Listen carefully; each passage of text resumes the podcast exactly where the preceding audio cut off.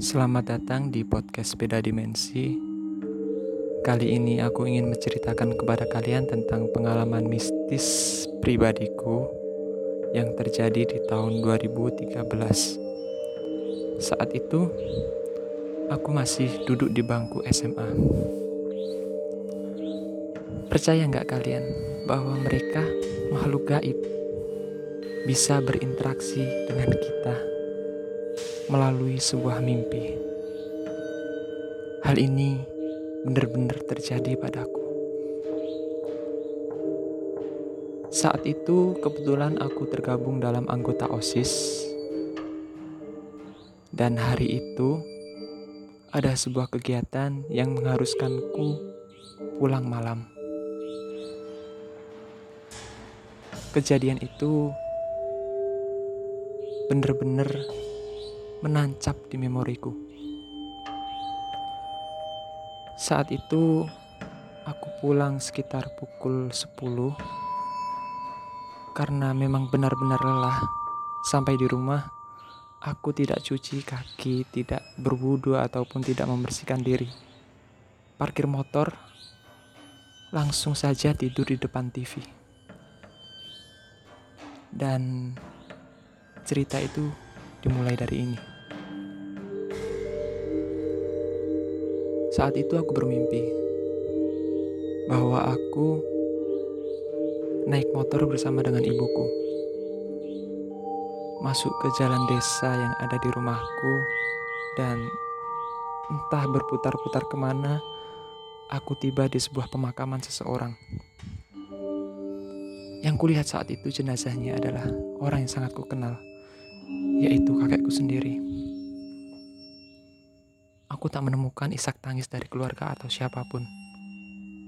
Hanya seseorang yang dibalut kain kafan dan dimasukkan ke dalam tanah.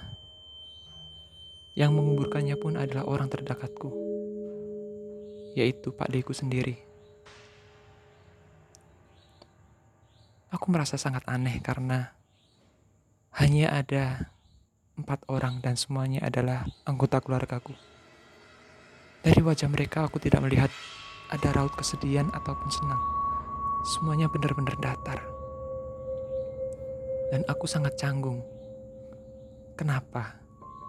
Ketika kita ditinggalkan oleh orang yang sangat kita cintai, tidak ada ekspresi yang menggambarkan wajah-wajah kesedihan ataupun duka.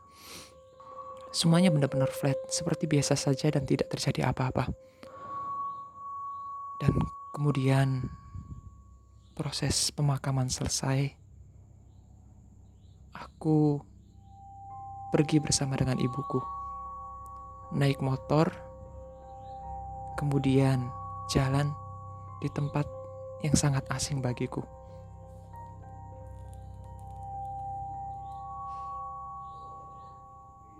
Kami berputar-putar ke sawah di atas motor dan jalannya itu terasa sangat tidak enak. Sensasinya benar-benar nyata. Dari lubang-lubang jalan, sekok motor, bahkan angin-angin yang berembus terasa sangat nyata. Dan tiba-tiba entah ada jalan tikus dari mana, aku dan ibu sampai di depan rumah.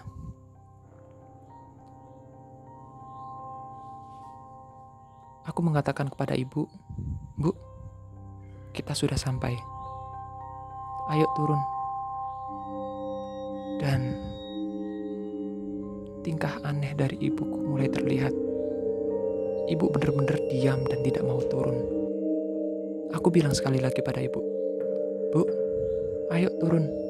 Kita sudah sampai." Ibuku mulai ada tingkah aneh. Seperti Aku tidak mengenalnya. Aku lihat dari spion, wajahnya benar-benar adalah wajah ibuku.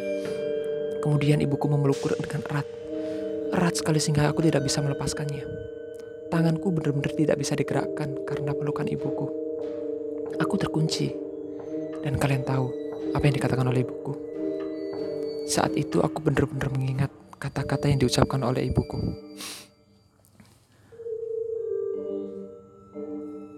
Suara yang ditimbulkan oleh ibuku seperti ini.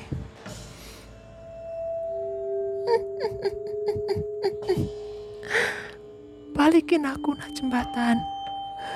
Balikin aku nak jembatan. Balikin aku nak jembatan. Dan tiba-tiba seluruh tubuhku pun merinding. Aku merasa dia bukanlah ibuku. Bener-bener bukan ibuku. Suaranya pun juga bukan suara ibuku tapi memakai wajah ibuku. Bu, ayo turun. Bu, ayo turun bu. Udah sampai.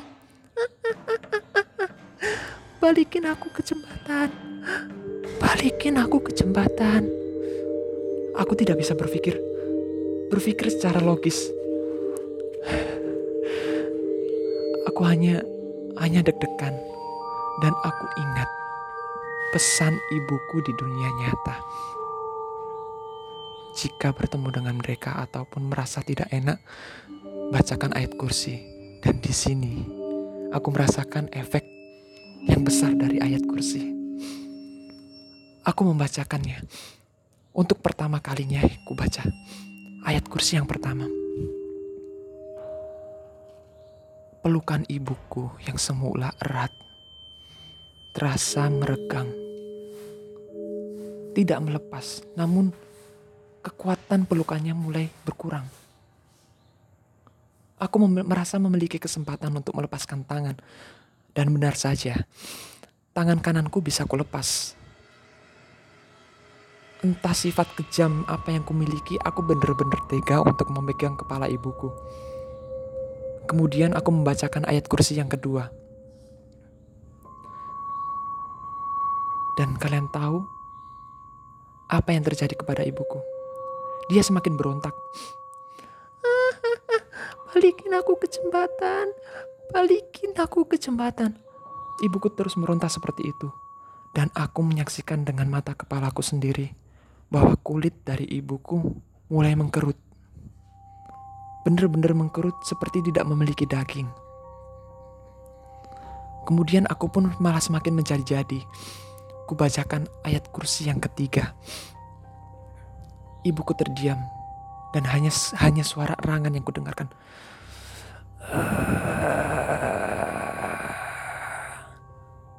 Dan tubuh ibuku terbakar. Aku merasa memiliki kesempatan saat itu untuk melepaskan diri. Namun, aku merasa terbawa ke tempat yang berbeda.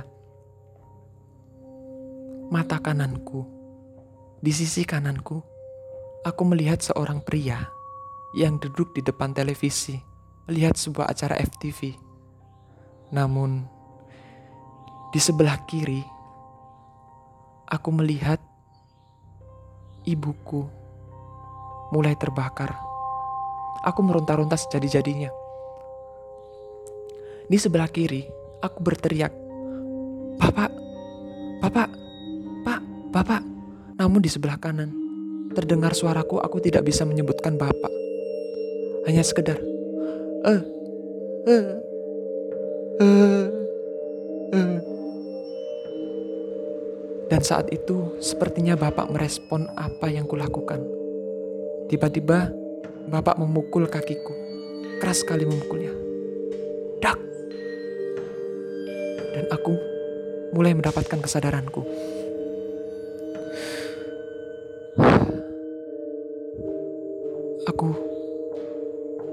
Merasakan sensasinya. Yang ada di mimpiku serasa nyata kulakukan benar-benar nyata. Namun semua itu hanyalah mimpi. Namun terasa sangat nyata. Dan apa yang dikatakan oleh bapakku cukup mengena pada diriku. Bapak mengatakan seperti ini. Kamu pulang gak cuci kaki ya? Kamu gak mandi? Dan aku hanya tertawa sinis. iya.